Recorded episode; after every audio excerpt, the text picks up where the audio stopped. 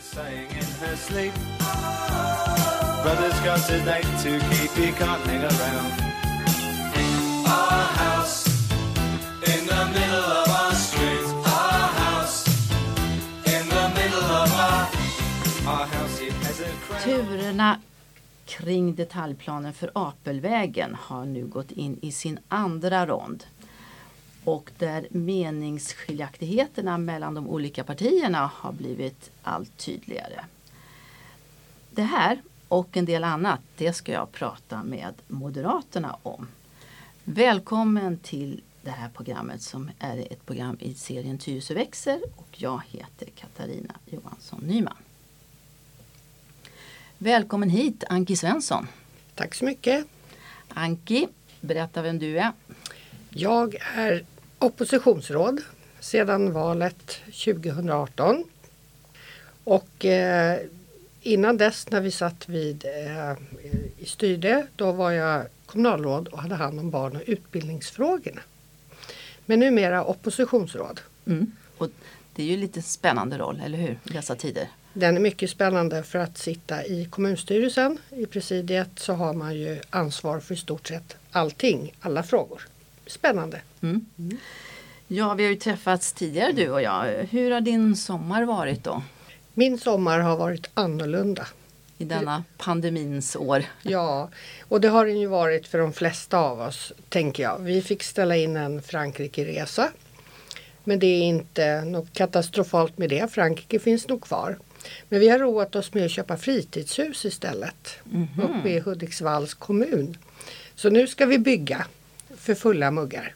Och då blir det spännande för dig att se hur bygglovsprocessen fungerar där uppe då.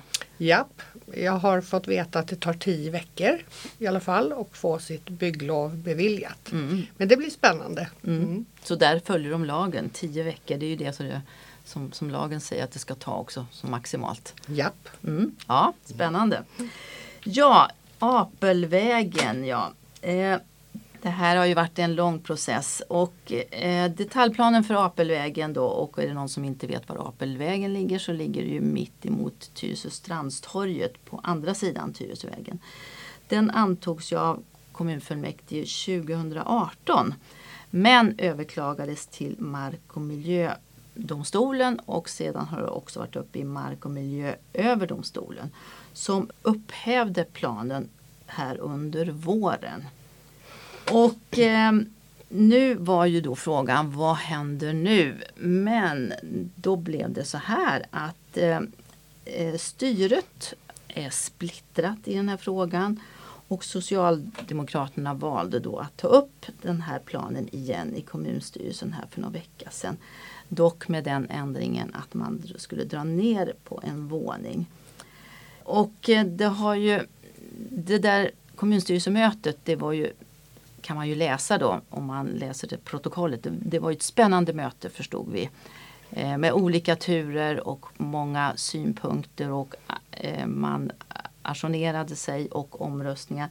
Men till slut så blev det ju så att eh, Socialdemokraternas förslag ändå gick igenom. Anki, vad är då Moderaternas inställning kring Apelvägen? Ja, det är säkert inte okänt att vi moderater har fattat ett nytt beslut i frågan om Apelvägen. Det kan man kanske tycka att varför gör man det?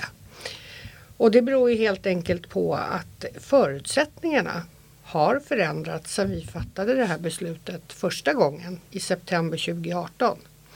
Dels har vi det här med Tyresövägen som inte alls har kommit så långt som det borde. Nu har man också lagt ett förslag att man vill ha ett kollektivkörfält. Det tredje körfältet på Tyresövägen. Vilket vi säger absolut nej till. De här körfälten måste självklart vara öppna för alla trafikanter för att ha en kollektivkörfält när det kommer en buss var tionde minut. Det kommer bara krångla till saker och ting. Och eftersom de har framfört då S, L och MP att de vill ha ett kollektivkörfält och vi har motsatt oss det så ser inte vi att Tyresövägen kommer fram till någon bra lösning under de närmaste åren. Sen har vi då eh, det här att vi skulle också ha ett äldreboende vid Apelvägen. Mm. Som också Wallenstam skulle bygga. Där har man ju också ändrat förutsättningarna för att vi beslutade oss för att vi skulle lägga ner Björkbacken. För det skulle komma ett nytt här centralt äldreboende. Men eh, nu har man ju eh, bestämt sig för att renovera Björkbacken.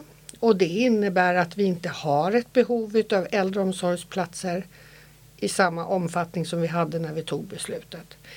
Och det här är viktiga delar för oss som alltså förutsättningar som har ändrats.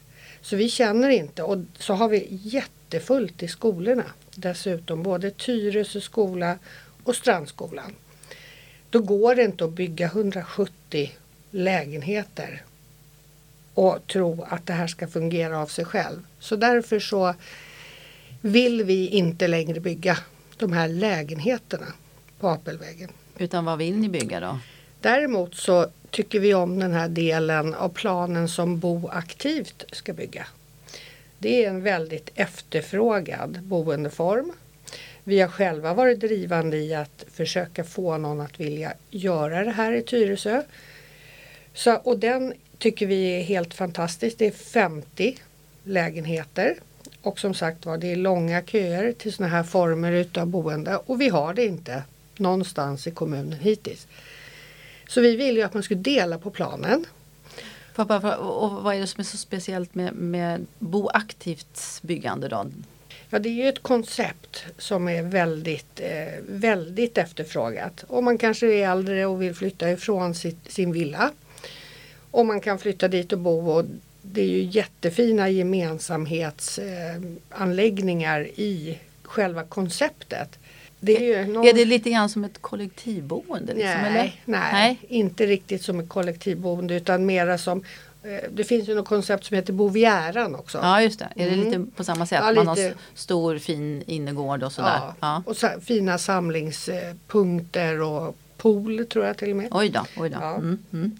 Nej, så att vi hade ju helst velat dela på planen. Det var ju vårt, vårt förslag till kommunstyrelsen och skicka vidare den delen så att bo aktivt. Att den planen gick igenom. Men eh, det föll. Mm. Mm. Som sagt, ni har ju ändrat er. Och det är klart, det här kan väl många tycka är lite konstigt då, för att det, det är ju ändå inte så länge sedan som ni satt vid styret och, och den här planen drevs igenom. Vilka reaktioner har du fått på att ni har liksom svängt i den här frågan nu? Mest positiva eh, ska jag säga. Några är ju såklart inte glada över att bo aktivt inte blir av men det stod vi bakom och det ville vi. Däremot vad det gäller de andra bostäderna så har jag inte fått något negativt mejl eller samtal om att vi har ändrat oss utan mera vad bra, vad bra att en politiker kan göra om och göra rätt om man inte tycker att man har fattat rätt beslut. Så det har varit mest positiva överhuvudtaget när vi pratar om byggfrågor att vi faktiskt har ändrat oss och har en annan syn. Vi har lyssnat på våra invånare. Mm. För, för vad jag förstod så var det också så att ni såg att det här var en del i Eh, efter valet och att ni gick tillbaka inom vissa eh, geografiska områden. Att ni, ni såg att ni hade drivit för expansiv byggpolitik. Mm. Och det kan vi ju konstatera att så är det inte bara i Tyres kommun utan även i andra kommuner att i valet 2014 då tyckte alla invånare att det var jättepositivt att det stod byggkranar överallt, att det hände någonting i kommunen. Den bilden förändrades ju radikalt i valet 2018 och inte bara i Tyresö. Vi fick dock känna på det, på det rätt rejält här i Tyresö. Mm. Och det är klart man måste vara mera lyhörd och lyssna på sina invånare. Och vår kommun har vuxit extremt mycket skulle jag säga på de 40 åren jag har bott här. Och vi har ju en lite speciell kommun. Alltså vi har ju väldigt mycket grönt och blått och 43 procent är skyddad. Och det finns liksom inte så mycket. Och så har vi ju lovat våra väljare i valet att vi ska värna de här små villaområdena, radhusområdena. Vi behöver inte bygga överallt. Vissa ställen kan vi bygga, vissa ställen bygger vi inte överhuvudtaget. Mm. Mm. Du, och, och, om vi lite grann pratar, alltså håller oss kvar vid Apelvägen då. För att när man kunde, man kunde ju läsa att trots att det egentligen fanns majoritet för att inte driva igenom Eh, planen med de ändringarna då som Socialdemokraterna ville. Så beroende på att en del la ner sina röster så blev det ju ändå det blev ordförande utslagsröst och då, därigenom så gick, gick förslaget igenom då i kommunstyrelsen. Men nu kommer den att gå vidare till fullmäktige här i november och vad händer där tror du? Ja, om alla röstar som man gjorde i kommunstyrelsen då kommer planen att falla med lika liten marginal som i kommunstyrelsen. Det vill säga att den faller med ett mandats övervikt. Mm. Det, det, är så lite. Det här är väldigt, väldigt små för att i kommunstyrelsen vart det ju sex mot sex röster och då blir det ju ordförandes röst som blir utslagsgivande.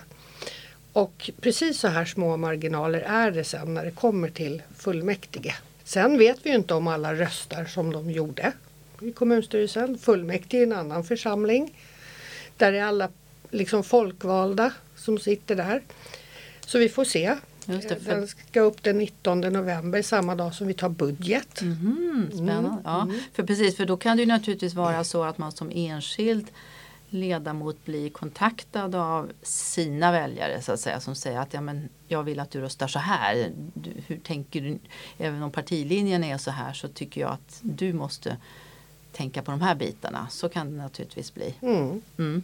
Och likaså att partierna blir uppvaktade.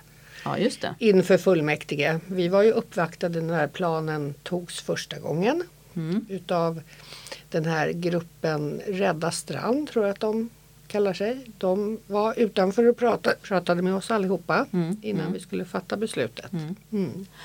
Just det och eh, Wallenstam de, är väl, de har ju naturligtvis också olika synpunkter i det här eftersom det var de som skulle bygga det här då. Mm. Ja eh, och vad jag förstår så är det ju så att ni har ju också lagt en motion om att revidera hela översiktsplanen för Tyresö. Och I den då som togs 2017 så pratar man ju om att eh, Tyresö kanske skulle kunna växa upp till 60 000 invånare år 2035. Det vill säga en, en, alltså jämfört med idag en ganska stor ökning. Då. Idag är vi ungefär 48 000.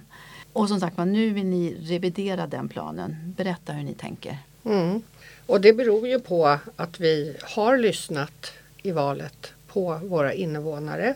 Och vi kan ju inte glömma bort heller att vi är en ny fullmäktigegrupp den här perioden efter valet. Så att det är vi många nya.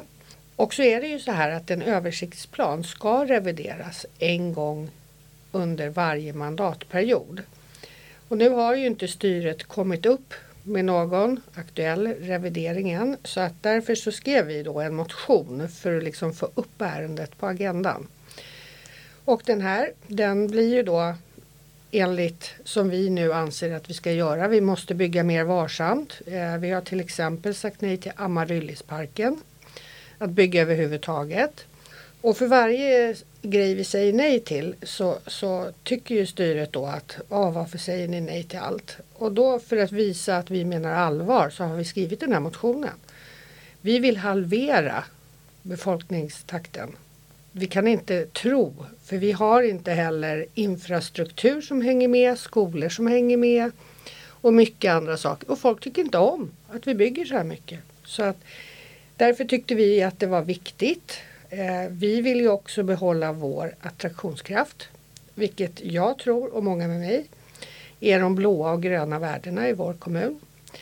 Risken är ju att, att man glömmer bort det eh, och sen så blir vi en helt annan kommun. Vi växer väldigt mycket här centralt eh, och har byggt rätt mycket. Så att tillväxt är bra men inte kanske den höga tillväxttakt som vi har haft hittills. Men du, att revidera en översiktsplan det är ju inte gjort i en grisblink. Jag kommer ihåg det arbetet som gjordes inför den nuvarande översiktsplanen. Det var ju jättemycket jobb och det var olika medborgardialoger och annat. Det låter ju som det kan ta tid om man ska hinna göra det innan mandatperiodens slut för det är ju bara två år kvar. Mm. Man behöver ju, för att man reviderar så behöver man inte göra om hela. För det, det här är ett fantastiskt jobb som lades ner på den här översiktsplanen. med den rosa boden som åkte runt i kommunen och skolorna fick tycka till och alla invånare som hade någonting att tillföra hade ju verkligen tillfälle. Så det var ett jättebra jobb man gjorde. Men däremot till exempel så har vi ju då eh, ett bostadsmål i den här översiktsplanen att vi ska ha 300 nya bostäder per år i snitt. Och det kan man ju faktiskt ganska lätt eh, justera. Nu ska jag säga att, att den här översiktsplanen också den, det är ju inte skrivet i sten att allt det som är utpekat här kommer att bli så. Förtätning vid Trintorp eller förtätning någon annanstans. Utan det är ju vad som är möjligt. Sen ligger det ju tolkningar i det här. Om vi säger förtäta på en plats och sen kanske någon tycker att ja, förtätning det är att bygga fyra villor. Eller någon tycker att det är ett höghus. Så att det viktiga här det är ju att vi inte håller fast vid 300 nya bostäder. Nej, per år. Det kan man väl säga att 300 det låter ju som ganska mycket och det kan mm. säkert vara så att vissa år så kan det bli 300 men att varje år hålla den takten det, det är ju en väldigt hög takt mm, faktiskt. Mm, mm. Men märker du också av att det finns ett minskat intresse från, från olika byggherrar just nu? Ja, vi har ju en del detaljplaner centralt här som i princip är klara men det kommer liksom inte igång. Och det är klart att just nu så är de flesta i ett läge där man kanske inte vågar satsa för att det ser ut som det gör. Tänkte du på coronan då till exempel? Ja och sen lågkonjunkturen och allt det här. Mm. Så att det är inte så många som, som de här projekten som jag kan säga som redan är, är färdiga. Där finns det ju en byggherre redan men det kommer liksom inte igång. Mm. Det är det. Nej. Så att eh, jag tror att generellt så ligger marknaden ganska still just nu. Mm. Det är stora investeringar för dem också. Just det. För, alla som för, för, det kan man ju, alltså när man går i centrala Tyresö, den här eh, jag tror norr, norra delen, vad kallar man det för? Norra Tyresö centrum. Ja precis. Mm. Där man ju har byggt nu och, och, där hoppas man ju verkligen att, att det fortsätter för att det börjar ju bli en struktur. Men men det är ju fortfarande lite byggarbetsplats och sådär. Så att det är ju viktigt att det, att det blir en viss fart i det där. Mm. Och det hoppas vi verkligen för det blir verkligen fint här i norra Tyresö centrum. Mm. Det blir fina kvarter och verkligen någonting att vara stolt över. Och hela den här ytan här med de här tråkiga parkeringsplatserna är ju inte så trevligt. Så blir det bebyggelse så blir ju ishallen klar sen också. Mm eh, som också kommer göra sitt till att det blir en trevlig stadsdel där. Nej, så vi hoppas att, att man håller ångan uppe och fortsätter nu. Ja, precis. Ja. Och då får man ju också hoppas att eh, kommunen har tänkt på det när man gör både detaljplaner och skriver exploateringsavtal. Att man begränsar det. För det, det man ju brukar göra i en detaljplan det är att man säger att det är en genomförandetid på fem år eller tio år. Och vill man ha det gjort då ska man naturligtvis skriva fem år. Och samma sak med exploateringsavtal att om man inte genomför det så ska man ändra lämna tillbaka byggrätten eller också är det vite. För det är ju ett sätt att se till att det här görs faktiskt med en viss takt. Och här får man nog börja och fundera de här banorna och se till så att man gör för att tiderna förändras och då behöver även det här jobbet med detaljplaner och genomförandetider också eh, förändras. Mm. Mm. Eh, du var inne på det här med Tyresövägen eh, och ehm, det är ju någonting som många funderar över. Nu är Petterboda-rondellen klar.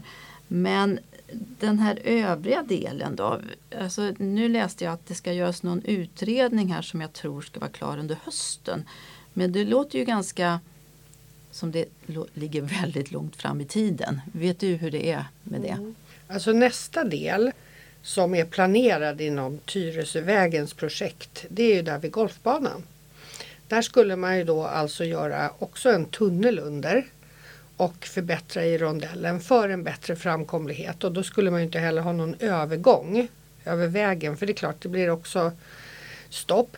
Och den här är i stort sett eh, eh, färdigplanerad. Vi har fått jättefina, sett jättefina filmer om hur det ska se ut och så. Men när den kommer upp för investeringsäskande Det känner jag tyvärr inte till. Men jag vet att man har jobbat mycket med det.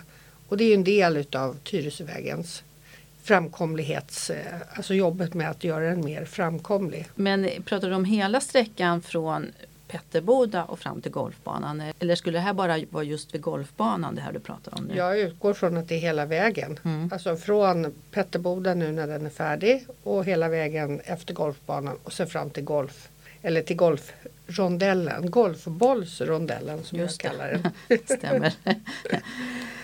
Och sen så läste jag också i eh, där ni har skrivit, jag vet inte om det var på er hemsida, så pratar ni också om Gudebroleden. Att där behöver också framkomligheten förbättras. Vad tänker ni ska göras där? Ja, det där är ju lite svårt för den där vägen äger vi ju inte heller. Nej. Så här är det att, att det finns ju ett förslag nu på att man ska sänka hastigheten på Gudbroleden. Vi tror inte att det kommer leda till några förbättringar. Det är ju rätt mycket trafik där och Mm. det är ju för att många åker den vägen från stan och vidare till Haninge också. Och den är ju, det är rätt mycket trafik men att sänka hastigheten kommer ju göra att det blir ännu trängre än vad det är idag. Och det är Trafikverket som äger vägen och vi kan ju självklart komma med, med önskemål om att man drar ner. Det är nästan 40 i hela vår kommun för övrigt. Eller 30 då. Men vi, vi, tycker, vi tror inte att det är rätt sätt att göra det här på. Men kan man göra någonting annat för att öka framkomligheten och sådär? Ja, vi har ju pratat mycket om det där och eh, det finns ju förslag från medborgare. Att man skulle däcka över och, och lite sådana saker. Men det blir ju hiskligt dyrt. Mm. Så det går ju knappt att genomföra. Nej, och det, det, det finns väl de som har sagt att överdäckningen som man ju har gjort vid, vid norra stationsområdet det är den sista överdäckningen som kommer göras i det här landet. Ja. Därför att det är väldigt, väldigt dyrt och det blir alltid, alltid mycket, mycket dyrare än, än man tror från början. Så ja, att ja. det, det, är, det kan nog vara en utopi att tro att det ska bli överdäckat. Mm. Eh, Bäverbäcken tänkte jag prata lite grann om. Och, och då såg jag i en sån här reklambilaga som var med lokaltidningen häromdagen att Liberalerna går ut och säger så här, dags för Moderaterna att bekänna färg om Bäverbäcken. Och eh, det är ju en detaljplan som har varit på granskning. Men den har fortfarande inte antagits av kommunfullmäktige. Vad är dina tankar kring den detaljplanen? Den är ju i linje med, med våran syn på byggande. Eh, precis som vi pratade om här för en stund sedan. Nu vet inte jag var den där detaljplanen ligger i, i om den är i pipeline. Eftersom det är upp till styret att presentera eh, förslag om man vill komma upp med den här detaljplanen på bordet.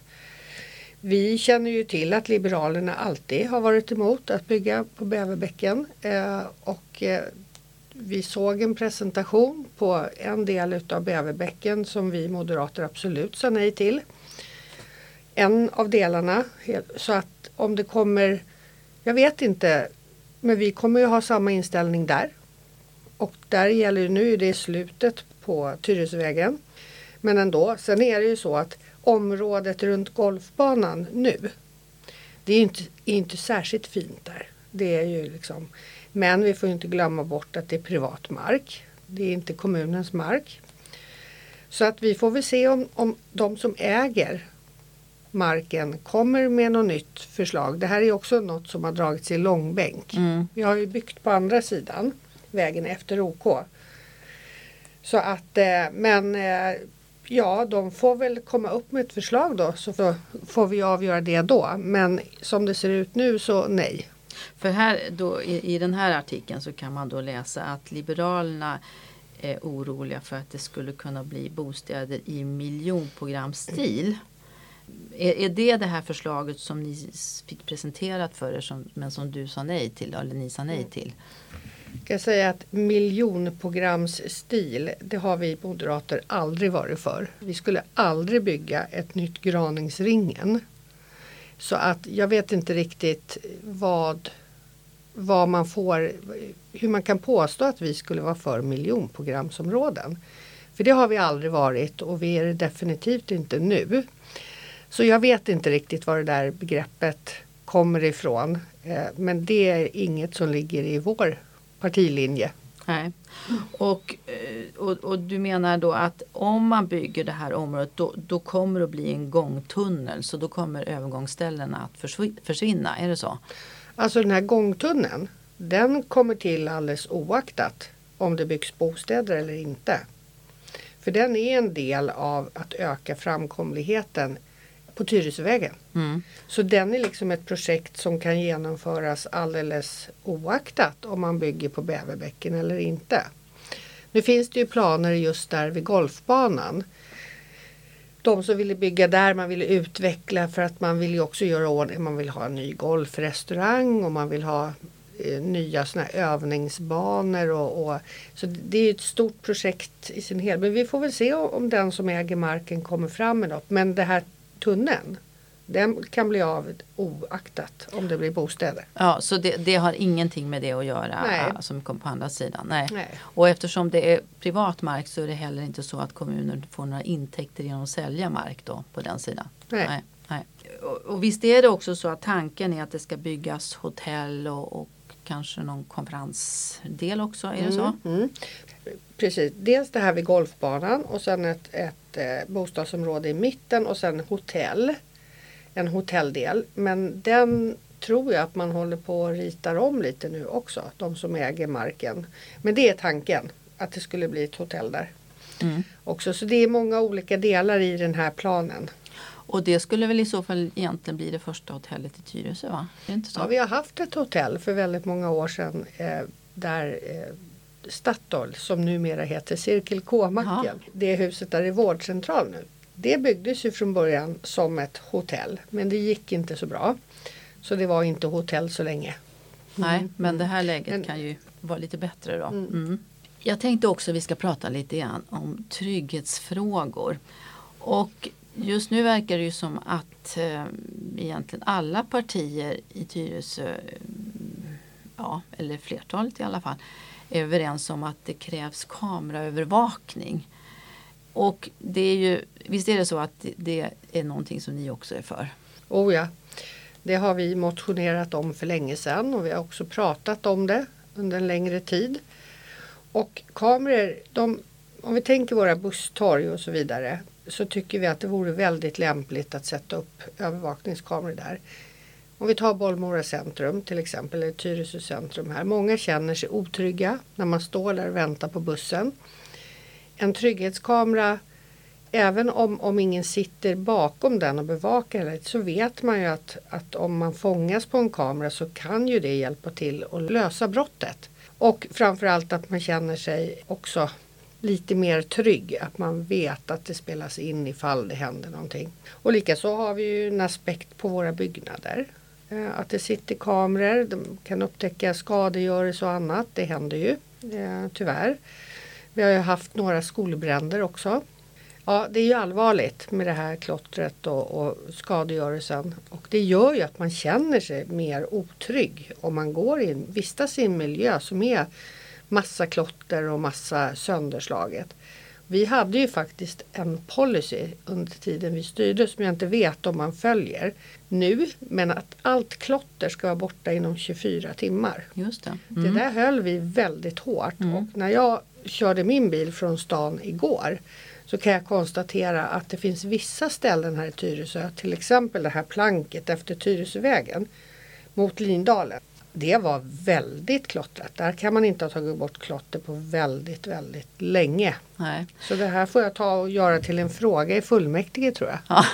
Mm. Men det planket, är det kommunens angelägenhet eller kan det vara Vägverket eller Det- Trafikverket heter det? Ja, det måste vara kommunens eftersom man förut alltid tog bort klotter så fort det kom dit. Mm. Så, så utgår jag från att det är kommunen som har satt det som en bullervall mot de som bor där. Ja, just det. Mm. Precis. Och, sen, och sen kan det ju faktiskt vara så här ibland att även om det inte är riktigt min bit så att säga så kan det vara ändå viktigt att man tar bort saker eller gör saker där, därför att det här sprider sig väldigt lätt. Så att det är ju viktigt att alla liksom bidrar med sådana här Mm. saker. Sen är problemet att Vi, vi som kommun kan ju inte gå och klottersanera sanera på någon annans fastighet. Det får vi ju inte Nej. göra. Förstås. Eh, så vi hade några, lite problem med tennishallen för några år sedan. Som var väldigt roligt att klottra på tydligen. Mm. Eh, och det är klart det är svårt för en, en fastighetsägare. Det kostar ju en hel del det här med klottersanering. Men det såg mycket bättre ut förut. Och eh, då kan jag ge tips för en sak som man kan göra det är att sätta för växtlighet. Då är det inte alls lika attraktivt att klottra. Mm. Nej, då syns det ju inte. Nej, precis. Och buskar är inte så lätt att klottra på. Nej. Nej, Nej men precis. Och, och sen då, vad tänker ni för övriga åtgärder som man kan göra just här i kommunen var, som kan vara trygghetsskapande då? Tyvärr är det ju så att eh, precis som i alla andra kommuner i den här kommunen så, så har vi en utveckling som inte gör våra invånare tryggare. Så är det. Och det är ju väldigt eh, sorgligt det här och jag upplever ändå att vi har föreningar som är ute och nattvandrar. Vi har nattvandrarna och vi har föräldravandringar genom skolan också. Och det är klart, fler vuxna ute kan ju skapa, tror jag har själv nattvandrat under många år. Det skapar ju trygghet med vuxen närvaro. Och nu var det väl så att de här nattvandrarna skulle lägga ner tror jag. För jag tror de har svårt att hitta folk. va? Var det inte så? Ja, jag hörde också det häromdagen och det vore ju tråkigt, verkligen tråkigt. De har Jättesynd. funnits i många år Mm. i kommunen. Och nu har föreningarna börjat nattvandra. Några, Ja, ja, Hanviken bra. och Mm. någon mer. Men sen är det ju alltså polisen eh, som gör ett fantastiskt jobb med de förutsättningar de har. Vi behöver ju ha fler poliser. För att vi betalar ju ändå skatt för att ha en polis som delvis också har ett brottsförebyggande arbete genom att vara ute på gator och torg. De ska vara lättillgängliga. Jag, menar, jag tänker förut för väldigt många år sedan när vi hade poliser som gick här i centrum pratade med ungdomarna och var ute på kvällarna också. Nu kommer de när det har hänt något. För det är mest ingripande verksamhet de håller på med. De gör ett fantastiskt jobb, verkligen. Men de borde få mycket bättre förutsättningar.